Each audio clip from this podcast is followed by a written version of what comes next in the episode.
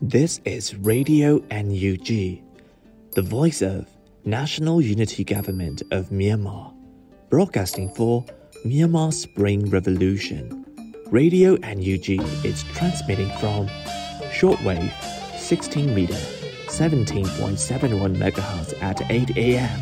and 25 meter 11.965 megahertz at 8 p.m. Myanmar Standard Time. မင်္ဂလာပါခင်ဗျာ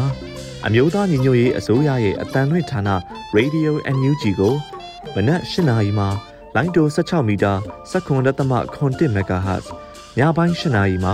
လိုင်းတို25မီတာ17.665 MHz တို့မှာဓာတ်ရိုက်ဖမ်းယူနားဆင်နိုင်ပါပြီ။မင်္ဂလာအပေါင်းနဲ့ပြည့်စုံကြပါစေ။အခုချိန်ကစပြီး Radio NUG အစီအစဉ်တွေကိုဓာတ်ရိုက်အတန်လွှင့်ပေးနေပါပြီ။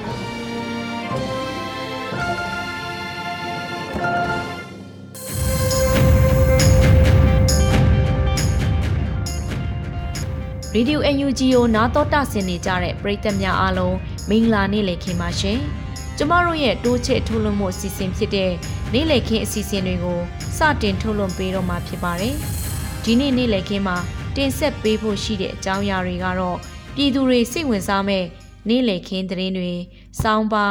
တော်လှန်ရေးတေးဂီတတို့နဲ့အတူတခြားစိတ်ဝင်စားဖွယ်ရာအစီအစဉ်တွေကိုတင်ဆက်ပေးဖို့ရှိနေတာဖြစ်ပါတယ်ရှင်။ ဒီနေ့နေ့လည်ခင်းရဲ့ပထမဦးဆုံးအစီအစဉ်အနေနဲ့နေ့လည်ခင်းသတင်းတွေကိုຫນွေဦးမောင်ကဖတ်ကြားတင်ဆက်ပေးပါမယ်ရှင်။မင်္ဂလာပါခင်ဗျာ။ယခုချိန်ကစတင်ပြီး Radio NUG နေ့လည်ခင်းသတင်းများကိုဖတ်ကြားတင်ပြပေးပါတော့မယ်။အခုတင်ပြပေးမယ့်သတင်းတွေကတော့ Radio NUG သတင်းတာဝန်ခံတွေနဲ့ခိုင်လုံသောမိဖက်သတင်းရင်းမြစ်တွေမှာအခြေခံထားတာဖြစ်ပါတယ်။ကျွန်တော်ကတော့ຫນွေဦးမောင်ပါ။ ကံကောနယ်ရှိနန်ခါကြီးရွာကိုစစ်ကောင်စီတပ်များကလူသက်မီးရှို့နေကြပြန်ပါပြီ။ဒီဇင်ဘာလ18ရက်နေ့တွင်တိုက်ပွဲမရှိဘဲနန်ခါကြီးရွာကိုစစ်ရဟတ်ရင်များဖြင့်ပစ်ခတ်တိုက်ခိုက်ခဲ့သဖြင့်ပြည်သူအများအပြားတိတ်ဆုံးခဲ့ပါတယ်။ရွာထဲမှာအကြမ်းဖက်စစ်တပ်ကဝင်ရောက်တပ်ဆွဲနေထိုင်တာကြောင့်တိတ်ဆုံးတဲ့အရေးအတွက်နဲ့အလောင်းများကိုကောက်ယူနိုင်ခဲ့ခြင်းမရှိပါဘူး။ဒီဇင်ဘာလ19ရက်နေ့မှာတော့မနက်9နာရီကစလို့ကျေးရွာတစ်ခုလုံးကိုစစ်တပ်ကမီးတင်ရှို့ခဲ့ကြပါတယ်။ အလောင်းကောက်ယူနိုင်မှုအခြေအနေနဲ့ပတ်သက်ပြီးအခုကစာတင်ကျောင်းမှာအလောင်း6လောင်းအခုထပ်ကောက်လို့ရတာက8လောင်းစုစုပေါင်း14လောင်းကောက်ယူထားပါပြီ။နောက်ထပ်အလောင်း3လောင်းလည်းထပ်တွေ့လို့ထပ်ကောက်ဖို့ကြိုးစားနေပါတယ်ဟုဒေသခံတွေကပြောပါတယ်။ရဲလာလန်းခွဲနဲ့နှမ်းကားကျော်နှမ်းကားကျောင်းတရားနာတွင်နာယီကားတစ်စီး RPG လက်နက်ကြီးဖြင့်အထုခံရပြီးတရားနာဘက်တို့ကားထိုးကျသွားပြီးကားပေါ်ပါလာသူအများအပြားတေဆုံးသွားကြောင်းဒါအပြင် စိုက်ကယ်စီးနေသူများကိုရဟတ်ရင်ဖြင့်ပြစ်ခတ်ခဲ့တဲ့ဖြင့်၄ဦးသေဆုံးခဲ့ကအလောင်းမကောက်နိုင်သေးကြောင်းရဟတ်ရင်ဖြင့်ပြစ်ခတ်စဉ်ထွက်ပြေးသူ၄ဦးမှလည်းသေဆုံးနိုင်ပွဲရှိပြီးအလောင်းမကောက်နိုင်သေးကြောင်းသိရပါတယ်။အဲ့ဒီလိုစစ်ရဟရင်ဖြစ်လိုက်လံပြစ်ခတ်ပြီးနောက်မှာတော့ဒီဇင်ဘာလ19ရက်နေ့နနက်9:00နာရီမှစတင်ပြီးမကွေးတိုင်းကံကောမြို့နယ်ရှိနန်းခါကျေးရွာကိုအာနာသိန်းစစ်တပ်ကမီးတင်ရှို့ပါတယ်။နန်းခါကျေးရွာဟာလွန်ခဲ့သောစက်တင်ဘာလတွင်လည်းအကြမ်းဖက်စစ်တပ်ရဲ့အကြိမ်ကြိမ်ဝင်ရောက်မီးရှို့ခံရတဲ့ရွာဖြစ်ပါတယ်။ အခုလိုအင်အားသုံးဝင်ရောက်မီးရှို့ခြင်းဟာ၄ချိန်မြောက်မီးရှို့ခံရခြင်းလို့လည်းသိရပါတယ်။မနက်ပိုင်းမှာရွာကိုမီးရှို့ပြီးနောက်9နာရီမိနစ်50ဝန်းကျင်တွင်နန်းခါရွာဘုံကြီးကျောင်းမှာစစ်ပေးရှောင်နေတဲ့အရက်သားအချို့အားလူသားတိုင်းအဖြစ်ခေါ်သွားပြီးအာနာသိန်းစစ်တပ်သည်နန်းခါရွာ၏အရှိမြောက်ဘက်ကြောက်ချက်ရွာဘက်သို့ဦးတည်ထွက်သွားကြောင်းသိရပါတယ်။အခုလိုအာနာသိန်းတပ်များကစစ်ရဟရင်များပါအုံပြု၍အင်အားသုံးဝင်ရောက်ကျူးလွန်မှုကြောင့် ဂံကောကလေးကားလမ်းကိုရက်အကန့်အသတ်မရှိပိတ်ပင်ထားလိုက်ပြီလို့ရောဒေတာပြည်သူ့ကာကွယ်ရေးတပ်ဖွဲ့ YDF ကယနေ့ဒီဇင်ဘာ19ရက်နေ့မှာကြေညာလိုက်ပါတယ်။အကြမ်းဖက်တပ်ဘက်ကလူသားမဆန်သည့်စစ်ရာဇဝတ်မှုများကျူးလွန်နေခြင်းကြောင့်လမ်းပိုင်းကိုပိတ်ပင်ထားရခြင်းဖြစ်ကြောင်း YDF ကဖော်ပြထားပြီးကံကောကလေးကားလမ်းပိုင်းပြန်လည်အသုံးပြုနိုင်တဲ့အချိန်ကို YDF မှပြန်လည်စာထုတ်ပြန်ပေးမည်ဟုလည်းထုတ်ပြန်ကြေညာချက်မှာရေးသားထားပါတယ်ခင်ဗျာ။ဆက်လက်ပြီး CDM စစ်ဗိုလ်အရာရှိတွေဟာပြည်သူတွေရဲ့တန်မိုးထားမှုနဲ့ထိုက်တန်အောင်အသက်ရင်းပြီးတော်လှန်ရေးမှာဆက်လက်နဲ့ထုတ်လွှင့်နေတဲ့အကြောင်းပြောဆိုလိုက်ပါတယ်။တမတော်ဤပညာတက္ကသိုလ်ကျောင်းဆင်း CDM တမတော်သားများဟာစစ်အာဏာရှင်ကိုတော်လှန်ရေးမှာစစ်လက်နက်များကိုဈေးအဆမတန်ပေးဝယ်နေရသည့်အတွက်ကုန်ကျစရိတ်တသက်တသာဖြင့်အသုံးပြုနိုင်ဖို့စွမ်းအားမြင့်လက်နက်များကိုထုတ်လုပ်နေကြပါတယ်။ ပြည်သူစစ်သားစစ်လက်နက်ထုတ်လုပ်ရေးအဖွဲ့ PSPD အဖွဲ့ဟာ CDM စလုပ်စဉ်ကတည်းကအခုလိုအရန်လိုအပ်လာမှဖြစ်တဲ့လက်နက်တွေကိုထုတ်လုပ်ဖို့အစီအစဉ်ရှိခဲ့တယ်လို့ဆိုပါတယ်။ဒီဒေါ်လာရေးမှာလက်နက်တွေအဓိကလိုလာမယ်ဆိုတာကျွန်တော်တို့ကြုံမှန်းဆမိတယ်။ဒါကြောင့်ပြည်သူရင်ဝင်ခုံလုံပြီးတဲ့နောက်မှာဒေါ်လန်ရေးအကျိုးအတွက်ဘယ်လောက်ထိပါဝင်နိုင်မလဲဆိုတာဒီဇိုင်းမမတ်စဉ်းစားခဲ့တာဖြစ်တယ်လို့ထုတ်ဖော်ပြောဆိုပါတယ်။ ပြည်သူစစ်သားစစ်လက်နက်ထုတ်လုပ်ရေးအဖွဲ့ဟာ project ရှစ်ခုထပ်မင်းကိုနေရာအနှံ့မှာဆောင်ရွက်လျက်ရှိပြီးအချို့သောလက်နက်အစီအစဉ်တွေဟာဆိုရင်စစ်ကောင်စီကိုအင်မတန်ဒုက္ခပေးနိုင်မယ်လို့ကြိုးပြောထားခြင်းပါတယ်။လောလောဆယ်မှာဒီလောက်ပဲပြောနိုင်ပါသေးတယ်လို့ပြည်သူရင်ဝင်ခိုးလုံထားသူ PSPD တာဝန်ခံဗိုလ်ကြီးကပြောပါတယ်။လက်ရှိမြေပြင်မှာတော့ PDF တွေသုံးနိုင်မှုပြင်းအားမြင့်မိုင်းထုတ်လုပ်ထားနိုင်ပြီးသုံးစွဲနေကြပြီလည်းဖြစ်ပါတယ်။ပောက်ကွဲပြင်းအားကိုလည်းရုပ်တံများမှာအများမြင်အောင်ကြည့်လို့ရနေပါပြီဖြစ်ကြောင်းပြောပါတယ်။ လက်တလုံးမှာအနှဲငယ်သာထုတ်လုပ်နိုင်သေးပေမဲ့မကြာခင်မှာတနေ့ကိုရာချီထုတ်လုပ်နိုင်ဖို့နေရာအနှံ့မှာ CDN ပညာရှင်တွေစ조사နေကြကြောင်းပြောပြပါတယ်။ PSPT လို့အတူကောက်ခေါ်တဲ့ People Soldier Protection Team အဖွဲ့ဟာ DSTA မှ CDM စစ်သားများဦးဆောင်ပြီးရှေ့ထွက်မိုင်းနဲ့ကားမိုင်းများစမ်းသပ်အောင်မြင်ပြီးနောက် PDF LTF များအတွက်အရေးအတွက်အမြောက်အများထုတ်လုပ်ပေးလျက်ရှိကြောင်းကိုဒီဇင်ဘာလ18ရက်နေ့ကစတင်ဖော်ပြခဲ့ကြတာပါ Project K1 လို့ခေါ်တဲ့ထုတ်လုပ်အောင်မြင်မှုဟာ ရှေ့ထွက်မိုင်းနာမကကားမိုင်းအဖြစ်ပါနှမျိုးသုံး dual purposes ဖြင့်အသုံးပြုနိုင်ရန်တည်ထွင်ထားခြင်းဖြစ်ပါတယ်။ Project K1 တွင်ရန်သူရင်များနှင့်ရန်သူစစ်ကြောင်းများကိုကြာရှုံးနိုင်စေရန်အတွက်ရေဘူးရလမ်းအကျယ်များကိုစနစ်တကျတွက်ချက်တိုင်းတာပြီးလမ်းဘေးမှပင်အသုံးပြုကာ1ကီလိုမီတာခန့်အကွာမှ remote system ဖြင့်အသုံးပြုတိုက်ခိုက်နိုင်သည့်အထိပျက်စီးထားသောကားအဟောင်းများဖြင့်စမ်းသပ်အောင်မြင်ကထုတ်လုပ်နေပြီဖြစ်ကြောင်းကိုလည်း PSTB အဖွဲ့ကရေးသားအသိပေးခဲ့ပါတယ်။ Project K1 dual purposes အားတခုလျင် raw materials ရန် remote အပါအဝင်မြန်မာကျပ်9000ခန့်ကုန်ကြမယ်လို့လည်းဆိုပါတယ်။ဒီလက်နက်ဟာလက်ရှိပြည်သူ့ဗတ်တော်သားတွေအတွက်ပျောက်ကြားစစ်မှာအသုံးဝင်မှာဖြစ်ပြီးရန်သူစစ်ကူနဲ့ရိတ်ခါလမ်းကြောင်းကိုဖျက်တောက်ဖို့စွမ်းအားရှိတဲ့လက်နက်ဖြစ်ပါတယ်။ဆက်လက်ပြီးထုတ်လုပ်ဖို့စီစဉ်နေတဲ့အထဲမှာစစ်သေးတွေသုံးဖို့လက်နက်အပြင်အဖွဲ့လိုက်အသုံးပြုရမယ့်စစ်လက်နက်တွေလည်းထုတ်လုပ်သွားဖို့ရှိကြောင်းပြောပါတယ်။ Project K1 ကို PSPT မှ DSTA စင် CDM အရာရှိများနဲ့ Other Rank များဖြစ်ကြသော Captain ကိုနေ Captain Moon Captain လင်းတန့် Captain ဂျူမုံ Lieutenant RTC Sergeant Flash ကိုဘော့ကိုလူစီဖာတို့နဲ့အရက်သားကျွမ်းကျင်ပညာရှင်များပါဝင်တယ်လို့ဖော်ပြထားပါတယ်။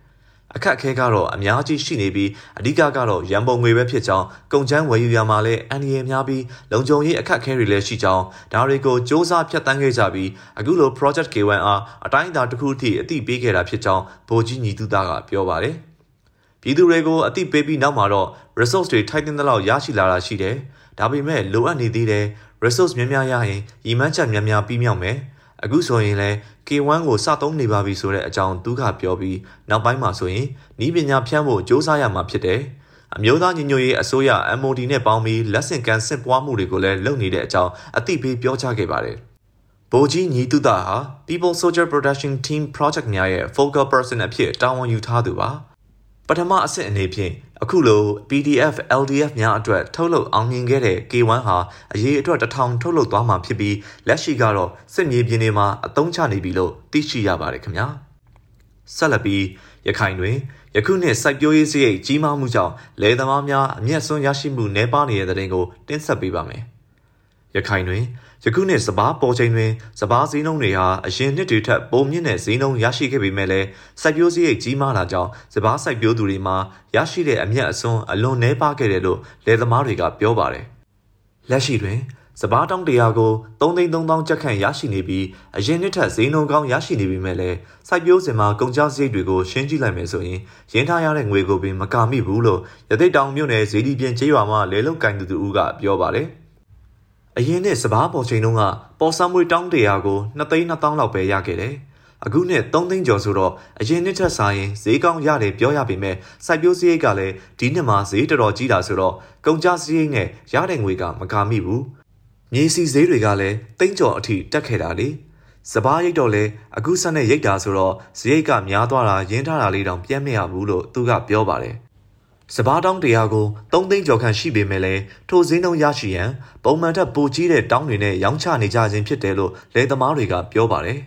။မြောက်ဦးမြို့မှာလယ်သမားတဦးကလည်းစပားကဈေးရတယ်လို့တော့ပြောရမှာပေါ့။ဒါပေမဲ့ဝယ်တဲ့လူတွေကပုံမှန်တောင်းနေဆိုအဲ့လောက်ဈေးမပေးဘူး။ဘူး90ဆန့်တောင်းတဲ့တောင်းတရားကိုဆို2သိန်း8000ကျပ်လောက်ပဲရတယ်။54ဘူးဆန့်နဲ့တောင်းကြီးတွေနဲ့ရောင်းမှ3သိန်းကျော်ရတာ။ အဲ့ဒါကြောင့်ရတဲ့ပမာဏနဲ့ဒီနှစ်ကုန်စည်နှုန်းတက်ပုံနဲ့တိတ်အဆင်မပြေဘူးလို့သူကပြောပါတယ်ယခု2021မိုးစပါးနဲ့2022ခုနှစ်နွေစပါးတွေအတွက်တောင်သူလယ်သမားအခွင့်အရေးနဲ့အကျိုးစီးပွားဥဆောင်ရေးမြင့်တင်ဖွဲ့မှစပါးတင်တရားကို9သိန်း4တောင်းချက်သတ်မှတ်ထားရာရခိုင်ဒေသတွင်စပါးရောင်းဝယ်ကြရာတွင်အသုံးပြုတဲ့တောင်းဆိုရင်ဖြင့်စပါးတောင်းတရားကို2သိန်း16000ကျပ်ခန့်ဈေးနှုန်းသာရရှိမှာဖြစ်ပါတယ်။ စပါးစင်းလုံးကိုအခုလိုပမာဏလောက်သာသတ်မှတ်ထားခြင်းမှာလယ်သမားတွေအတွက်စားဝတ်နေရေးပုံမခက်ခဲနိုင်တဲ့အခြေအနေကိုရောက်နိုင်တယ်လို့လယ်ယာလုပ်ကိုင်နေသူတွေကပြောပါတယ်။ယခုနှစ်စပားစိုက်ပျိုးရာတွင်မြေစီဩဇာစေးအစမတန်မြင့်တက်မှုနှင့်ကြုံခဲ့ရတဲ့အတွက်လေယာလုပ်သူတွေမှာမြေဩဇာကိုလုံလောက်စွာအသုံးမပြုနိုင်ခဲ့တဲ့အတွက်စပားအထွက်နှုန်း40ရာခိုင်နှုန်းခန့်ရောချနိုင်ခြေရှိတယ်လို့လည်းတောင်သူလယ်သမားတွေကခန့်မှန်းထားပါတယ်။ယခုတင်ဆက်ပေးခဲ့တာကတော့ဒီဇင်ဘာ19ရက်နေ့ရပြည်တွင်းသတင်းများပဲဖြစ်ပါတယ်။ ကျွန်တော်ကတော့ຫນွေဦးမောင်ပါ။လည်ခင်းသတင်းများကိုနားဆင်ကြရတာဖြစ်ပါတယ်။ဆက်လက်ပြီးကျောင်းပညာရေးနဲ့ဖက်ဒရယ်ဆက်နွယ်မှုအစီအစဉ်အနေနဲ့လူအခွင့်အရေးဝန်ကြီးဦးအောင်မျိုးမင်းတင်ပြထားတဲ့လွတ်လပ်စွာယုံကြည်ကိုးကွယ်ခွင့်ကို စာသင်ခန်းအတွင်းသင်ကြားခြင်းအပိုင်းတစ်ကိုထုတ်လွှင့်ပေးပါတော့မယ်ရှင်။တော့ဒီနေ့ခေါင်းစဉ်လေးကတော့လွတ်လပ်စွာယုံကြည်ကိုးကွယ်ခွင့်ဆိုတဲ့အကြောင်းအရာနဲ့ဒါတွေကိုတ င်ရွညွန်းတဲ့နေမှာထည့်သွင်းပြင်ကြားတဲ့ခါမှာဆရာဆရာမတွေတင်ညာပေးတဲ့သူတွေနဲ့ဘယ်လိုမျိုးတင်ကြားတင်လဲဆိုတဲ့အကြောင်းအရာလေးကိုအဓိကထားပြီးသွားမှာဖြစ်ပါတယ်။အဲ့တော့ပထမဦးဆုံးကျွန်တော်တို့လွတ်လပ်စွာယုံကြည်ကိုယ်ကိုဝင်ကလူခွေရေးဆိုတဲ့အကြောင်းအရာမသွားခင်မှာလူခွေရေးဆိုတာဘာလဲဆိုတာကျွန်တော်နားလည်ဖို့အတွက်စပြီးတော့ရှင်းပြပြစေ။အဲ့တော့ကဘာမှာတော့လူခွေရေးအခုချိန်ထိတနေ့ကြဲကြဲပေါ်ပြနေတယ်ဆွေးနွေးနေတယ်ယူဆနေတယ်အတိတ်ပဲလက်တက်နေပြီးဖွင့်နေကြတယ်။ဒါပေမဲ့အခုချိန်ထိပြီးပြည့်စုံတဲ့ လူခွေဆိုတဲ့အတိတ်ပဲတော့မရှိသေးပါဘူးဒါပေမဲ့လူဆိုတဲ့အကြောင်းအရာပြီးတော့မှအခွင့်အရေးဆိုတာလာတာဖြစ်တဲ့အတွက်ပထမဦးဆုံးလူဆိုတဲ့အကြောင်းအရာကိုကျွန်တော်တို့ဆက်ဆာချင်းကြည့်ကြည့်အောင်အခုမှတက်ရောက်နေတဲ့သူတွေအားလုံးကျွန်တော်ပါဝင်အားလုံးကကိုယ့်ကိုလူလို့သတ်မှတ်ထားတဲ့အတွက်လူတွေမှာဘာတွေထူးခြားချက်ရှိလဲအဲ့တော့လူသားဖြစ်တဲ့အတွက်အသက်ရှင်ခြင်းပါတယ်တစ်ချိန်တည်းမှာရင်ဘဝကိုဖွံ့ဖြိုးတိုးတက်ခြင်းကြတယ်အခုလိုမျိုးကာလကြီးမှာမနေခြင်းကြောင့်ငြင်းငြင်းချင်းချမ်းနဲ့နေခြင်းနဲ့ ကိုဗစ်ကလည်းကင်းစင်ကျန်းမာရေးလည်းလုံခြုံပြီးတော့เนาะကျန်းမာခြင်းကြတယ်တစ်ချိန်တည်းမှာတင်ကျွန်တော်တို့အနေနဲ့တရားဥပဒေစိုးမိုးမှုလိုချင်ပါတယ်မတရားတာကြီးကျွန်တော်တို့ဘယ်သူမှမလိုချင်ကြဘူးတရားဥပဒေစိုးမိုးရေးအမှန်တရားဖော်ဆောင်ရေးတရားဥပဒေเนาะဖော်ဆောင်ရေးကိုကျွန်တော်လိုချင်ကြတယ်လူသားတွေဖြစ်ချင်ကြတယ်ဆက်သွယ်ချင်ကြတယ်အဲ့တော့ဒါမျိုးစိတ်တွေကလူတွေမှာထူးခြားတဲ့အရာတွေဖြစ်ပါတယ်အဲ့တော့ဒါတွေကကျွန်တော်ကြည့်တဲ့အခါမှာမွေးတွေကနေကျွန်တော်တို့ပါလာတာပါ အမိဝန်းကနေကျွတ်တဲ့ကလေးတယောက်ကိုယ်တိုင်ကအသက်ရှင်ခြင်းလို့ဖွံ့ဖြိုးတိုးတက်ခြင်းလို့ငြိမ်းချမ်းခြင်းလို့သူ့မှာပြတ်သားပါတယ်နော်ဒါတွေကိုကျွန်တော်မွေးရပါလာတယ်ဒီဟာဒီကဲလို့များကျွန်တော်တို့မရှိဘူးဆိုရင်လူရဲ့စိတ်ထဲမှာငါတို့တွေအနေနဲ့လူမဟုတ်တော့ပါလားလူတန်းလူနဲ့တော့မပီတာတော့ပါလားအခုလက်ချိန်မှာမြန်မာပြည်မှာနေထိုင်နေကြတဲ့ကြောက်ရွံ့ခြင်းကနေအောက်မှာနေထိုင်နေရတဲ့သူတွေစိတ်ထဲမှာခံစားနေရတာလူဖြစ်ရတာနဲ့လူလိုမနေရဘူးဆိုတဲ့စိတ်မျိုးတွေဖြစ်လာတယ် ကိုရီကိုသွေးတွေကြလာတယ်အရာရာကိုတုံနှုတ်ချောက်လွတ်နေဒါတော့ဒါကြောင့်မလို့ကျွန်တော်တို့ကဒါတွေရှိရင်ဂုံတိတ်ခါရှိမယ်ဒါတွေမရှိရင်ဂုံတိတ်ခါမရှိဘူးဒါကြောင့်မလို့လူသားဖြစ်တဲ့အတွက်အသက်ရှင်နေတာလူရဲ့ဂုံတိတ်ခါတရပါလူသားဖြစ်တဲ့အတွက်ဖွံ့ဖြိုးတိုးတက်ခြင်းနဲ့စိတ်ခံစားခြင်းတာလဲလူခွင့်တရပါလူသားဖြစ်တဲ့အတွက်ကြမ်းကြမ်းမာမာလုံလုံချုံချုံနေခြင်းတာလဲလူခွင့်ဒါလူရဲ့ဂုံတိတ်ခါတရဖြစ်ပါအဲ့တော့လူတွေမှာမွေးတွေက ဖွံ့ဖြိုးခြင်းနဲ့တိုးတက်ခြင်းနဲ့လုံခြုံခြင်းနဲ့လေ့လာခြင်းနဲ့ဆိုတဲ့ဂုဏ်သိက္ခာတွေပါပြီးသားပါဒါကိုကျွန်တော်တို့ကလူရဲ့ human dignity လို့စတင်ပြီးခေါ်ပါတယ်အဲ့တော့လူတွေမှာမွေးရကနေကျွန်တော်တို့ကဒီလိုမျိုး dignity တွေပါလာတယ်ဂုဏ်သိက္ခာတိုင်းနေခြင်းကြတယ်ဒါပေမဲ့ဒီတိုင်းနေနေလို့မရဘူးလူပပီတတနေဖို့အတွက်ဒီလိုမျိုးမွေးရပါဂုဏ်သိက္ခာတိုင်းနေနိုင်မှုအတွက်ကျွန်တော်တို့မှာအစားအစာတွေ နေအိမ်တွေအဝတ်ထေတွေကျောင်းတွေစက်ယုံတွေအလုတ်ကိုင်းငွေချေးစေးယုံเนาะပညာရေးဘာသာရေးတက်နိုင်ပြီပြောမယ်ဆိုတရားဥပဒေကာကွယ်ပေးမဲ့အုပ်ချုပ်ရေးကျွန်တော်တို့ကိုကာကွယ်ပေးမဲ့လုံခြုံရေးဒါတွေအကုန်လုံးလိုအပ်ပါတယ်အဲ့တော့မွေးရပါလာတဲ့အသက်ရှင်ခြင်းနဲ့ဖွံ့ဖြိုးတိုးတက်ခြင်းနဲ့ဆိုတဲ့စိတ်ထားတွေကိုဒီတိုင်းမရရှိနိုင်ဘူးကျွန်တော်တို့ပါဝင်ခြင်းမှာလုံလောက်တဲ့နေအိမ်တွေ ကျမ်းမာရေးတွေတရားဥပဒေစိုးမိုးရေးတွေတရားဥပဒေတွေပညာရေးဘာသာရေးအသိအဖွဲ့တွေသတင်းစကားတွေဒါတွေရရှိမှဂုံတိတ်ခါတိုင်းနေနေမှာဖြစ်တဲ့အတွက်အခုအပြင်မှာပြထားတဲ့အရာတွေအားလုံးကလူတိုင်းလူတိုင်းဂုံတိတ်ခါတိုင်းနေနိုင်မှုအတွက်မရှိမဖြစ်ကိုလိုအပ်တဲ့အရာတွေဖြစ်ပါတယ်မရှိမဖြစ်ရကိုရမှာဖြစ်ပါတယ်လူသားဖြစ်တဲ့အတွက်ရအောင်ရမှာဖြစ်တဲ့အတွက်ဒါကကျွန်တော်လူသားတွေရဲ့လူရဲ့ အခွင့်အရေး right ဆိုပြီးတော့ကျွန်တော်တောင်းဆိုပါတယ်။ဘာကြောင့်လဲဆိုတော့ဒီအခွင့်အရေးမရှိရင်ဂုံတိတ်ခါတိုင်းမနေနိုင်ဘူး။ဂုံတိတ်ခါတိုင်းမနေနိုင်ရင်လူမပီတ။အဲဒါကြောင့်မလို့လူပီပီတတနဲ့ဂုံတိတ်ခါတိုင်းနေနိုင်ဖို့အတွက်လိုအပ်သောအရာတွေအကုန်လုံးကကျွန်တော်တို့ရဲ့ရရှိရမယ်လူအခွင့်အရေးများဖြစ်တယ်လို့ပထမအဆုံးအဓိပ္ပာယ်ဖွင့်ဆိုခြင်းပါတယ်။အဲဒီတော့ဒါလေးကိုကျွန်တော်တို့ကြည့်ပါမယ်။လူခွင့်ရေးဆိုတာကို အားလုံးနားလည်နိုင်တဲ့စကားမျိုးနဲ့ပြောကြမယ်ဆိုရင်တော့လူတိုင်းမှာအခုတယောက်နေတဲ့သူတွေမကောက်အပြင်မှာအခုချိန်မှာကျွန်တော်တို့ဒုက္ IDP ဖြစ်နေတဲ့လူတွေထောင်ထဲမှာရောက်နေတဲ့သူတွေလူသားတွေပဲဘယ်နေရာမှာရှိရှိလူကလူပဲဖြစ်တဲ့အတွက်ဒီလူခွေဆိုတာလူတိုင်းနဲ့ဆိုင်ပါတယ်နောက်တစ်ခုကမွေးရပါဂုံတိတ်ခါဖြစ်ပါတယ်လူပြပြတတနေကျင်တာမွေးတွေကပြလာတဲ့ဂုံတိတ်ခါဖြစ်တယ်ဒါကြောင့်မလို့ မွေးရပါဂုံတိတ်ခိုင်နဲ့ညီနိုင်မှုအတွက်ရရှိနိုင်မှုအတွက်မရှိမဖြစ်လိုအပ်သောအခြေခံအချက်များလို့ပထမဦးဆုံးလူခွင့်အကြောင်းကိုအတိတ်ပဲဖွင့်ဆိုခြင်းပါတယ်အဲ့ဒါဆိုတချို့ကမေးပိုင်မေးပါလိမ့်မယ်ဟုတ်ပြီလူတွေအတွက်အစားအစာလိုအပ်တယ်ဒါကြောင့်မလို့ငါစားကျင်တာစားဖို့အတွက်လူခွင့်တည်းရလားငါစားကျင်တာအာကျွန်တော်ပီဇာဟဟလား ပီဇာစားကြတယ်ပီဇာစားမြလို့ငါရဲ့လူခွေချိုးပေါက်ခံရတယ်အဲ့လိုပြောလာမလားငါနေကျင်တာကဧက20လောက်ရှိတဲ့အိမ်ကြီးနန်းတော်ကြီးနေကျင်တယ်အဲ့ဒါမနေရတဲ့ငါလူခွေဆုံးရှုံးခံရမလားမဟုတ်ပါဒီမှာဗာပြန်ပြောထားလဲဆိုတော့ဂုံတိတ်ခါတိုင်းမရှိမဖြစ်လိုအပ်သောအခြေခံအချက်များပါအဲ့တော့ပီဇာစားခြင်းလို့ကျွန်တော်တို့အာ ကြံတဲ့အရာစားခြင်းလို့ခောက်ဆွဲစားခြင်းလို့မိရှည်စားခြင်းလို့စားခြင်းတိုင်းစားလို့မရတဲ့အရာမျိုးလူခွေချိုးပေါက်တာမဟုတ်ပါဘူးဒါပေမဲ့လူတိုင်းမှာအစားအစာလိုအပ်တယ်အဲ့ဒီအစားအစာဖြစ်တဲ့အတွက်ကြောင့်မို့လို့အခြေခံအချက်တွေဖြစ်တဲ့ကျမ်းမိုင်နဲ့ကြိုက်နေတဲ့အစားအစာဖြစ်ရမယ်တန်ရှင်းလက်ဆက်တဲ့အစားအစာရှိရမယ်အာဟာရဖြစ်စေရမယ်အစားအစာလုံလောက်မှုရှိရမယ်ကိုစားတဲ့စားစာကိုယဉ်ကျေးမှုနဲ့ကြိုက်နေရမယ်ဒါဆိုဘာပဲဖြစ်ဖြစ်အခြေခံကြတဲ့ မရှိမဖြစ်လိုအပ်တဲ့အစားအစာဖြစ်ပါတယ်အဲ့တော့ကျွန်တော်တို့ wants နဲ့ needs နဲ့ rights နဲ့ကို꿰ဖို့လိုအပ်ပါတယ် wants ဆိုတဲ့ဟာကကိုလိုချင်တာကြိုက်တာလိုချင်တာပေါ့လိုချင်တိုင်းကျွန်တော်တို့ဒါ needs လို့ပြောလို့မရအောင် needs ဖြစ်ရမယ်တကယ်တမ်းမရှိမဖြစ်လိုအပ်တဲ့ needs ဖြစ်ရမယ်တစ်ချိန်တည်းမှာ needs ဖြစ်တဲ့ခါမှာကိုလိုချင်တိုင်းဖြစ်တာမဟုတ်ဘဲနဲ့လိုအပ်တဲ့အခြေခံအချက်နဲ့ကိုက်ညီတဲ့အရာကိုသာ rights လို့ပြောပါတယ်အဲ့တော့ ဒါလေးကိုပထမဆုံးရှင်းပြခြင်းပါတယ်ခင်ဗျအဲ့တော့လူခွေဆိုတဲ့ဟာလူတိုင်းနဲ့ဆိုင်ပါတယ်မွေးရပါဂုံသိက္ခာနဲ့အတူပါဝင်လာတယ်မရှိမဖြစ်လိုအပ်သောအရာဖြစ်ရမယ်အခြေခံအချက်ကိုရရှိရမှာလူတိုင်းလူတိုင်းရရှိရမှာဖြစ်ပါတယ်အဲ့တော့ကျွန်တော်တို့ဒီအားနဲ့ပတ်သက်လို့ဒါလေးကိုအတိတ်ပဲဖွင့်ဆိုခြင်းပါတယ်အဲ့တော့နောက်ထပ်အတိတ်ပဲတစ်ခုထပ်ပြီးပြောလို့ရှိပါတယ်ဒါကတော့လူခွေရင်ဆိုတာကြောက်ရွံ့ခြင်းမှကင်းဝေးခြင်း freedom from fear နောက်တစ်ခုကတော့တောင်းတရခြင်းမှကင်းဝေးခြင်း freedom for wants စတဲ့အကြောင်းအရာနှစ်ခုဟန်ချက်ညီညီနဲ့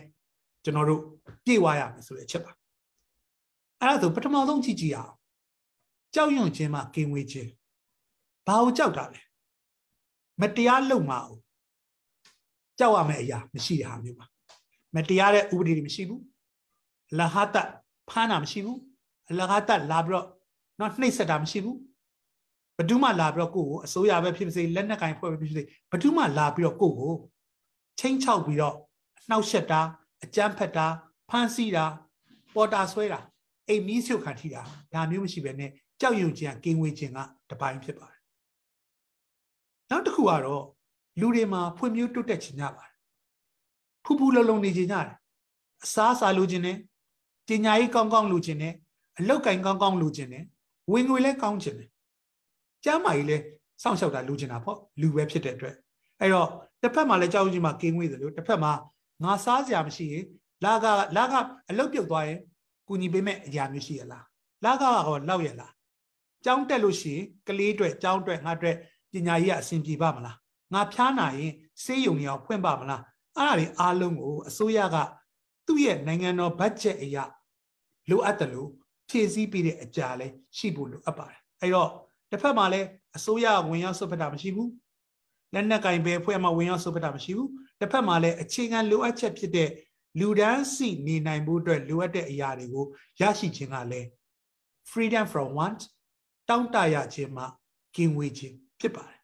အဲ့ဒီတော့ကျွန်တော်တို့ဒါလေးကိုသဘောပေါက်ဖို့အတွက်ဒီပုံလေးကိုကျွန်တော်ပြချင်ပါတယ်ဒါဆိုလူတွေမှာမွေးရပါ အုံနောက်ပါစဉ်းစားခြင်းတယ်မျက်စိပါတယ်เนาะကျွန်တော်လေ့လာခြင်းတယ်ပါဇက်ပါတယ်ပြောဆိုခြင်းတယ်နားကနားထောင်ခြင်းတယ်လက်ကလည်းလက်ရုပ်စုံတန်းခြင်းတယ်เนาะကျွန်တော်တို့မှားယွင်းတဲ့ဟာကိုထောက်ပြခြင်းတယ်မှားယွင်းတာကိုစန့်ကျင်ခြင်းအခုလက်ရှိမှာဖြစ်နေကြတဲ့အရေးတော်ပုံနောက်တစ်ခါလူသားဖြစ်တဲ့အတွက်သွားလာခြင်းရတယ်လှုပ်ရှားခြင်းရတယ်အဲ့တော့ဒါမျိုးသွားလာလှုပ်ရှားလေ့လာပြောဆိုတင်ယူမှုတွေအားလုံးကိုဘယ်သူမှ ချိန်ချောက်မှုမရှိပဲလွတ်လွတ်လပ်လပ်ရရှိခြင်းကကြောက်ရွံ့ခြင်းမှကင်းဝေးခြင်းရှိနေတာသို့မဟုတ် freedom from fear ရှိနေတာဒါကလူရဲ့စိတ်တစ်ပိုင်းဖြစ်ပါတယ်အဲ့တော့လူတွေစိတ်ထဲမှာငါတို့တိုင်းပြည်မှာငါတို့ဘယ်သူမှမတရားမလုပ်ဘူးဥပဒေကလည်းကာကွယ်ထားပေးတယ်ဥပဒေကလည်းကောင်းတယ်လုံခြုံရေးကလည်းရှိတယ်ဆိုပြီးတော့စိတ်ထဲမှာလုံခြုံခြင်းရှိခြင်းကလူခွင့်ရေးရဲ့အပိုင်းတစ်ပိုင်းကိုရရှိခြင်းပါ ဒါပေမဲ့ပြည့်စုံပြီလားလူတိုင်းလွတ်လွတ်လပ်နေနိုင်တယ်သွားနိုင်တယ်ပြောနိုင်တယ်ဆန္ဒပြနိုင်တယ်ဘယ်သူမှကြောက်ရွံ့စရာမရှိဘူးမပြည့်စုံသေးဘူးဗျခန္ဓာကိုယ်မှာအရေးကြီးတဲ့နောက်တစ်ပိုင်းရှိပါတယ်ဒီပိုင်းကတော့ခန္ဓာကိုယ်ပိုင်းဖြစ်ပါတယ်အဲ့တော့ဘလောက်ထိပဲလွတ်လွတ်လပ်လှုပ်ရှားသွားလာဝင်ငွေမရှိမရအောင်မကြမ်းမာရင်မရစဉ်းစားတွေးတောဖို့အတွက်ပညာရေးမရှိလည်းမရအဲ့ဒါကြောင့်မလို့နောက်တစ်ဆင့်မှာဘာပေါ်လာလဲဆိုရှင်တော့ ကျမ်းမာရေးအတွက်လိုအပ်တဲ့ထောက်ပံ့မှုတွေပညာရေးနဲ့ပတ်သက်လို့ထောက်ပံ့မှုတွေဝင်ငွေလစာအတွက်ထောက်ပံ့မှုတွေပင်စင်လစာအတွက်ကူညီမှုတွေเนาะလူမှုဖူလုံရေးစောက်ရှောက်မှုတွေเนาะလကကောင်းမွန်တင့်တင့်နဲ့လကရရှိဖို့တော့ဖန်တီးမှုဒါတွေရရှိမှတောင့်တရခြင်းမှာကင်းဝေးခြင်း freedom from fear သို့မဟုတ် authority ပါ freedom for once နှစ်ခုလုံး ပြီးပြည့်စုံတယ်လို့ပြောနိုင်ပါတယ်အဲ့တော့ကျွန်တော်ဒီလိုမျိုးအယူဆတွေကအနောက်တိုင်းမှာမဟုတ်ပါဘူးကျွန်တော်တို့ဟိုးတော့ကရှိခဲ့တဲ့ငကနီတချင်းမပြန်ကြည့်ကြည့်ပါငကနီတချင်းမှာကြမ်းကြမ်းမာမာချမ်းချမ်းသာသာဘေးရန်ကစီးမြည်အဲ့စကလုံးလေးရှိပါတယ်အားလုံးလည်းစိုးဘူးကြမှာလည်းတူပါတယ်နော်ကာရာအိုကေမဆိုတာကြားတဲ့လွမ်းတဲ့သူတွေအတွက်လည်းစိတ်မကောင်းစိတ်မကောင်းပါဘူးနော်အဲ့တော့ကြမ်းကြမ်းမာမာချမ်းချမ်းသာသာဆိုတဲ့ နဂနီတချင်းရဲ့တပိုက်ကကျမ်းမာရေးတွေချမ်းသာဖို့အတွက်ဝင်ငွေတွေအားလုံးကိုဖန်တီးပေးတဲ့ freedom from wants ကိုရရှိတာပါဒါပေမဲ့နဂနီတချင်းကတပိုက်နဲ့မပြီးတော့ပါဘူးဘေးရန်ကာစီးမီအာနာရှိတဲ့သူတွေလက်နက်ရှိတဲ့သူတွေလှုပ်ချင်တာလှုပ်တဲ့သူတွေကနေလှုပ်ချင်တယ်လို့မလှုပ်နိုင်ဖို့အတွက်ကာကွယ်ပေးတဲ့ဘေးရန်ကာစီးမီဆိုတဲ့အတိတ်ပဲနှစ်ခုလုံးပါပါတယ် အဲ့တော့လူခွင့်ရေးဆိုတဲ့အယူဆကအနောက်တိုင်းကအမေရိကကတင်သွင်းတာမဟုတ်ဘဲနဲ့လူကနေလူပီပီတတ်နဲ့နေကျင်သောစိတ်ထားကိုဖော်ဆောင်ပြီးတော့ပေါ်ပေါက်လာတဲ့အယူဆဖြစ်တယ်လို့ပဲပထမပြောကြားခြင်းပါတယ်အဲ့တော့လူတွေမှာလုံခြုံခြင်းရှိမယ်တစ်ဖက်မှာလည်းဖူလုံခြင်းရှိမယ်မချမ်းသာသည့်တိုင်အောင်လူဒန်းစီနေနိုင်သောနှစ်ခုကိုရရှိခြင်းကလူခွင့်ရေးကို ပြည့်ပြည့်ဝဝ ခံစားခြင်းလို့ပြောချင်ပါတယ်အဲ့တော့လူခွင့်ရေးအခြေခံအချက်တွေမှာလူတိုင်းလူခွင့်ရေးဆိုတာလူသားအလုံးနဲ့ဆိုင်ပါတယ်နိုင်ငံကအတိမတ်မပြုသည့်တိုင်အောင်ခွဲခြားခံရသည့်တိုင်အောင်အသားရောင်လိန်ကိုးကွယ်တဲ့ဘာသာလူမျိုးဘာသာလိန်စိတ်ကွဲပြားမှုခန္ဓာကိုယ်တန်ဆွမ်းမှုဘတုမှမရွေးလူတိုင်းကခုနလိုတူညီတဲ့ဂုဏ်သိက္ခာနဲ့တူညီသောအခွင့်အရေးရှိပါတယ် နောက်တစ်ခါလူခွင့်ရေးဆိုတာနော်ຫນွေဦးတော်လှန်ရေးပြီးမှပေးမယ်လို့၁၈နှစ်ပြည့်မှမှတ်ပုတ်တင်နဲ့လာထုတ်ပါလို့ပြောလို့ရတော့ရမဟုတ်ပါဘူးလူခွင့်ရမွေးရကနေလူသားပြပြတတနဲ့နေခြင်းနဲ့ဂုံတိတ်ခါကိုခြေခံတဲ့အတွက်မွေးရပါအခွင့်ဖြစ်ပါတယ်နောက်တစ်ခုကတော့လူခွင့်ရမှာသဘောတော်ကဖူလုံခြင်းနဲ့လုံခြုံခြင်းဆိုတာမတူကွဲပြားပေမဲ့တစ်ခုမရှိတစ်ခုထိလို့မရပါဘူးတစ်ခုနဲ့တစ်ခုက ဆက်ဆက်နေပါတယ်ဖူလုံခြင်းမရှိလဲ လုံခြုံခြင်းကိုထိခိုက်နိုင်တယ်လုံခြုံခြင်းမရှိလို့ရှင်လည်းဘယ်သူမှဖူးဖူးလုံလုံနေနိုင်မှာမဟုတ်ပါဘူးအခုကာလမှာပဲเนาะကြောက်ရွံ့ရတဲ့အတွက်စီးပွားရေးတွေပြစ်တယ်ကြောင်းတွေပြစ်တယ်ဒီလိုဆက်ဆက်မှုအရာအကုန်လုံးဆက်ဆက်နေတဲ့အရာမျိုးဖြစ်ပါတယ်နောက်တစ်ခုကတော့လူခွင့်ရေးကိုဘယ်သူမှယူဆောင်သိမ့်ပိုက်လို့မရပါဘူးဘာကြောင့်လဲဆိုတော့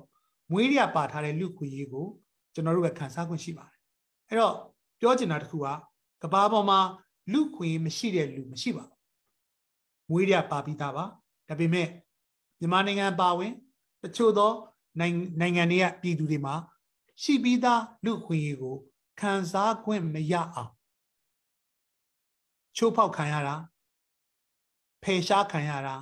ပိတ်သိမ်းခံရတာဖြစ်ပါတယ်အဲ့တော့ကျွန်တော်မှမွေးရပါပါတဲ့လူခွင့်ရေးကိုချိုးဖောက်ခြင်းကလူခွင့်ချိုးဖောက်မှုဖြစ်တဲ့အတွက်ဒါကိုပြန်လည်ရယူတိုက်ယူဖို့ကကျွန်တော်တို့ရဲ့တာဝန်တွေပဲဖြစ်ပါတယ် ရေဒီယို UNG ရဲ့နေ့လည်ခင်းအစီအစဉ်ကိုဆက်လက်ထုတ်လွှင့်ပေးနေပါတယ်။ဆက်လက်ပြီးຫນွေဦးရွှေဝါတင်ဆက်ထားတဲ့ဆွတ်လွတ်ရဲဝင့် CDN ဝန်ထမ်းများအစီအစဉ်မှာຫນွေဦးသူရဲကောင်းတွေကသူတို့ရဲ့အတွေ့အကြုံတွေကိုမျှဝေထားတာနားဆင်ရပါမယ်ရှင်။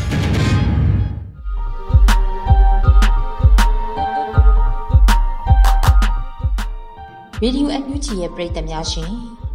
ဆရာနာရှင်ကိုတော်လှန်နေတဲ့ရေဦးတော်လှန်ရဲ့အခန်းကဏ္ဍမှာအဓိကသဖွယ်ပါဝင်နေတဲ့ CDM ရဲ့အခန်းကဏ္ဍဟာလည်းအမတန်မှအရေးကြီးပါတယ်မြန်မာနိုင်ငံအနှံ့ပြားမှာရှိတဲ့ဝင်ကြီးဌာနအသီးသီးက CDM လှုပ်ဆောင်ထားကြတဲ့ဝန်ထမ်းတွေရဲ့အရေးအတွက်ဟာလည်းအများအပြားရှိနေပါတယ်လက်ရှိမှာ CDM လှုပ်ထားပြီးတော့ မိမိတို့ရဲ့ဘဝတွေကိုရင်ဆိုင်နေရတဲ့အခက်အခဲတွေနဲ့သူတို့ရဲ့ဖြတ်တန်းနေရတဲ့ဒုက္ခတွေကြုံတွေ့နေရတဲ့အနေအထားတွေနဲ့ပတ်သက်ပြီးတော့ကျမတို့ရဲ့အစီအစဉ်ကနေပြီးတော့ထုတ်လွှင့်ပေးလျက်ရှိနေပါတယ်။ဒီနေ့ရဲ့အစီအစဉ်မှာတော့ CDM လောက်ထားတဲ့ဆရာဆရာမတွေရဲ့လက်ရှိဖြတ်တန်းနေရတဲ့အခက်အခဲတွေနဲ့ပတ်သက်ပြီးအခုလိုသိရှိရမှာဖြစ်ပါတယ်ရှင်။ CDM ဆရာမတယောက်အနေနဲ့ ဒီကာလမှာဘလို့ရက်တည်နေရလဲဆိုလို့ရှိရင်တော့တော်တော်လေးတော့ခက်ခဲပါတယ်ပထမတစ်ပိုင်းအနေနဲ့ကတော့လုံချုံရေးပိုင်းမှာလုံချုံရေးပိုင်းမှာဟို CDN လောက်ပြီဆိုတဲ့တဲ့က CDN ဝန်ထမ်းတွေကိုဖန်လာစီလာမထင်မထင်သလိုလုပ်တဲ့အတွက်ကြောင့်မလို့ဘယ်ချိန်လာဖမ်းမလဲဆိုပြီးတော့အဲ့လိုမျိုးစိုးရင်ပူပန်မှုတွေနဲ့တော်ကြနေရှောင်းကတော်ကြနေပုံးရနဲ့အဲ့လိုမျိုးတွေနေနေရပါတယ်အဲ့လိုမျိုးရှောင်းရတေးရတဲ့အချိန်မှာလဲ ကိုကရှောင်းနိုင်တိတ်နိုင်ပေမဲ့ကိုအိမ်ကလူချင်းမိဘတွေများဆွဲသွားမလားကိုမရှိလို့ရှင်တစားကံများလှုပ်သွားမလားဆိုတော့ဆိုရင်ပူပန်မှုတွေနဲ့လည်းနေရပါတယ်ပြီးတော့နောက်တစ်ချက်နောက်တစ်ပိုင်းကတော့ပုံမှန်လာသားမရတော့တဲ့အတွက်စားဝတ်နေရေးအတွက်အခက်အခဲရှိပါတယ်ဒီကာလမှာစီးပွားရေးလုပ်ဖို့ဆိုတာကလည်းတာမန်လူတွေနေတောင်ခက်ခဲနေတဲ့ကာလမှာ CDN ဝန်ထမ်းဖြစ်တဲ့အတွက်ဘယ်နေရာမှာမှအလုပ်ရှာလို့အဆင်မပြေပါဘူးကိုတက်ထားတဲ့ပညာကလည်းစာသင်တဲ့ အလုပ်ဆိုတော့အဲ့ဒီစာသင်စားဖို့ကလည်းဒီကာလမှာအဆင်မပြေပါဘူး CDN လုပ်ပြီးတော့ကြောင်းကြတော့မတက်ဘူးအိမ်မှာတော့စာသင်နေတဲ့ကျရှင်သင်နေတယ်ဆိုပြီးတော့မနာလိုတဲ့လူတွေတလည်းနေရနေပြီးတော့လက်တို့လိုက်လို့ရှင်ချက်ချင်းအဖမ်းခံနိုင်ပါတယ်အားကြောင့်မို့လို့စာသင်ဖို့ဆိုတာလည်းအဆင်မပြေပါဘူးတခြားစီးပွားရေးလုပ်ငန်းတွေကိုလည်းပေါ်ပေါ်တင်တင်လုပ်လို့မရတဲ့အတွက်ဒီကာလမှာခက်ခက်ခက်ခဲရက်တည်နေရပါတယ်ရှင် ဒါကတော့ရွေဦးတော်လှန်ရေးမှာပါဝင်နေတဲ့ CDM ဆရာမတဦးရဲ့စကားသံပါကျွန်တော်ကတော့ဒီစစ်ကောင်စီကဖေဖော်ဝါရီလမှာအာဏာသိမ်းလိုက်တဲ့အချိန်ဖေဖော်ဝါရီ10ရက်နေ့ကစပြီးအခုထိဒီပြည်သူဘက်ကနေရက်တည်ပြီးတော့ပြည်သူတွေနဲ့တသားနဲ့ရက်တည်ပြီးတော့အမှန်တရားကိုမြန်လို့တဲ့စီရီယန်ဝန်ထမ်း ပြည်သူဝန်ထမ်းကောင်းတယောက်ပါကျွန်တော်တို့ဒီစီရီယန်လုပ်နေတဲ့ကာလအတွင်းမှာဟိုကျွန်တော်တို့မှာအခက်ခဲတွေအများကြီးပဲရှိပါတယ်အထူးသဖြင့်တော့ကျွန်တော်တို့ရဲ့လုံခြုံရေးပြီးတဲ့ခါကျတော့စာဝတ်နေရေးဟိုနေထိုင်ရေးအခက်အခဲတွေအများကြီးပဲရှိပါတယ်အခုဒီချိန်ဆိုလို့ရှိရင်ကျွန်တော်တို့တောင်းခံခဲ့တာ17လပိုင်းဟို10လကျော်ကျော်17လပိုင်းနဲ့ရောက်ပြီပေါ့ကျွန်တော်တို့မှာဟိုဘယ်လောက်ကိုမှ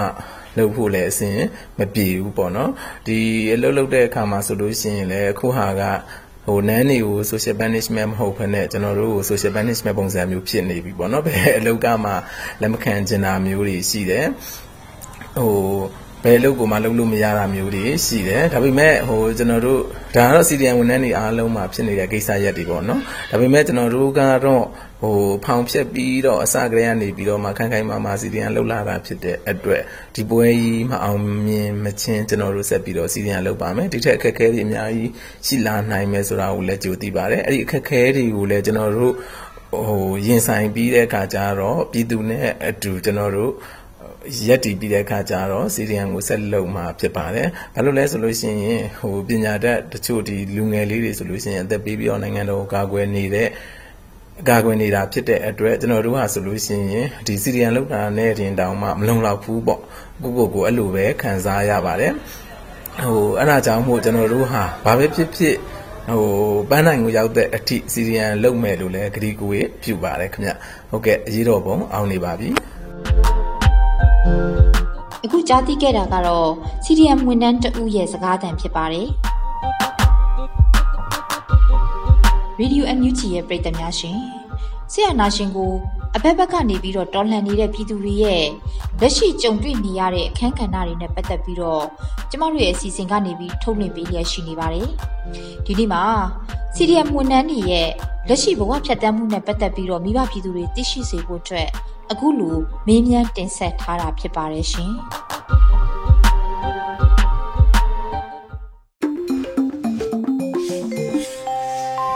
ခုဆက်လက်ပြီး Radio UNG ရဲ့ဒေါ်လာရေးတေးဂီတအစီအစဉ်မှာစောချောဖိုးနဲ့အဖွဲ့တီးဆိုထားတဲ့လာဟေးဆိုတဲ့တခြင်းကို နားဆင်ရပါမယ်ရှင်။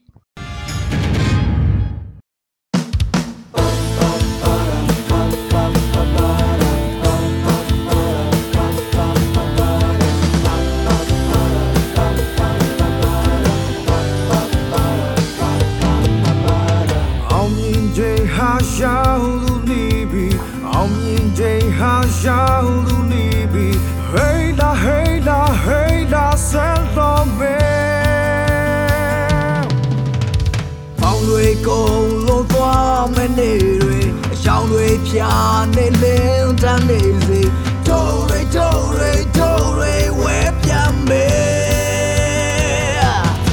လာဟဲ့အကောင်းဆုံးများရှိတဲ့ကဘာမြေလာဟဲ့လိုလက်ချစ်ပြည့်တဲ့ကဘာမြေလာဟဲ့ချစ်တဲ့ရတဲ့ရှိတဲ့ကဘာမြေကြာကလေးလာဟဲ့ချမ်းဖဲမှုရှိတဲ့ကဘာမြေလာဟဲ့ဖိနေမှုရှိတဲ့ကဘာမြေ နဲ့တော့မရှိရဲ့ကမြေကြာခင်လေငါတို့ရအောင်တူသွားမယ်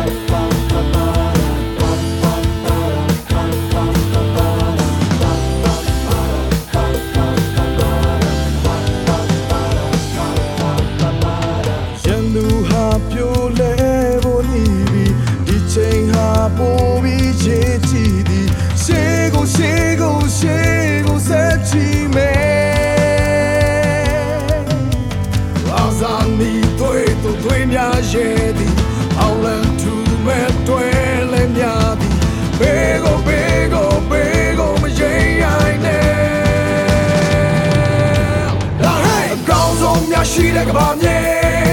လာဟဲ့လုံးလက်ချစ်ပြည့်တဲ့ကဘာမြေလာဟဲ့ချစ်ချင်းတရားများရှိတဲ့ကဘာမြေကြာခင်လေလာဟဲ့ချမ်းဖဲမှုရှိတဲ့ကဘာမြေလာဟဲ့ပြီးနိုင်မှုရှိတဲ့ကဘာမြေလာဟဲ့စစ်တဲ့နဲ့တော့ရှိတဲ့ကဘာမြေ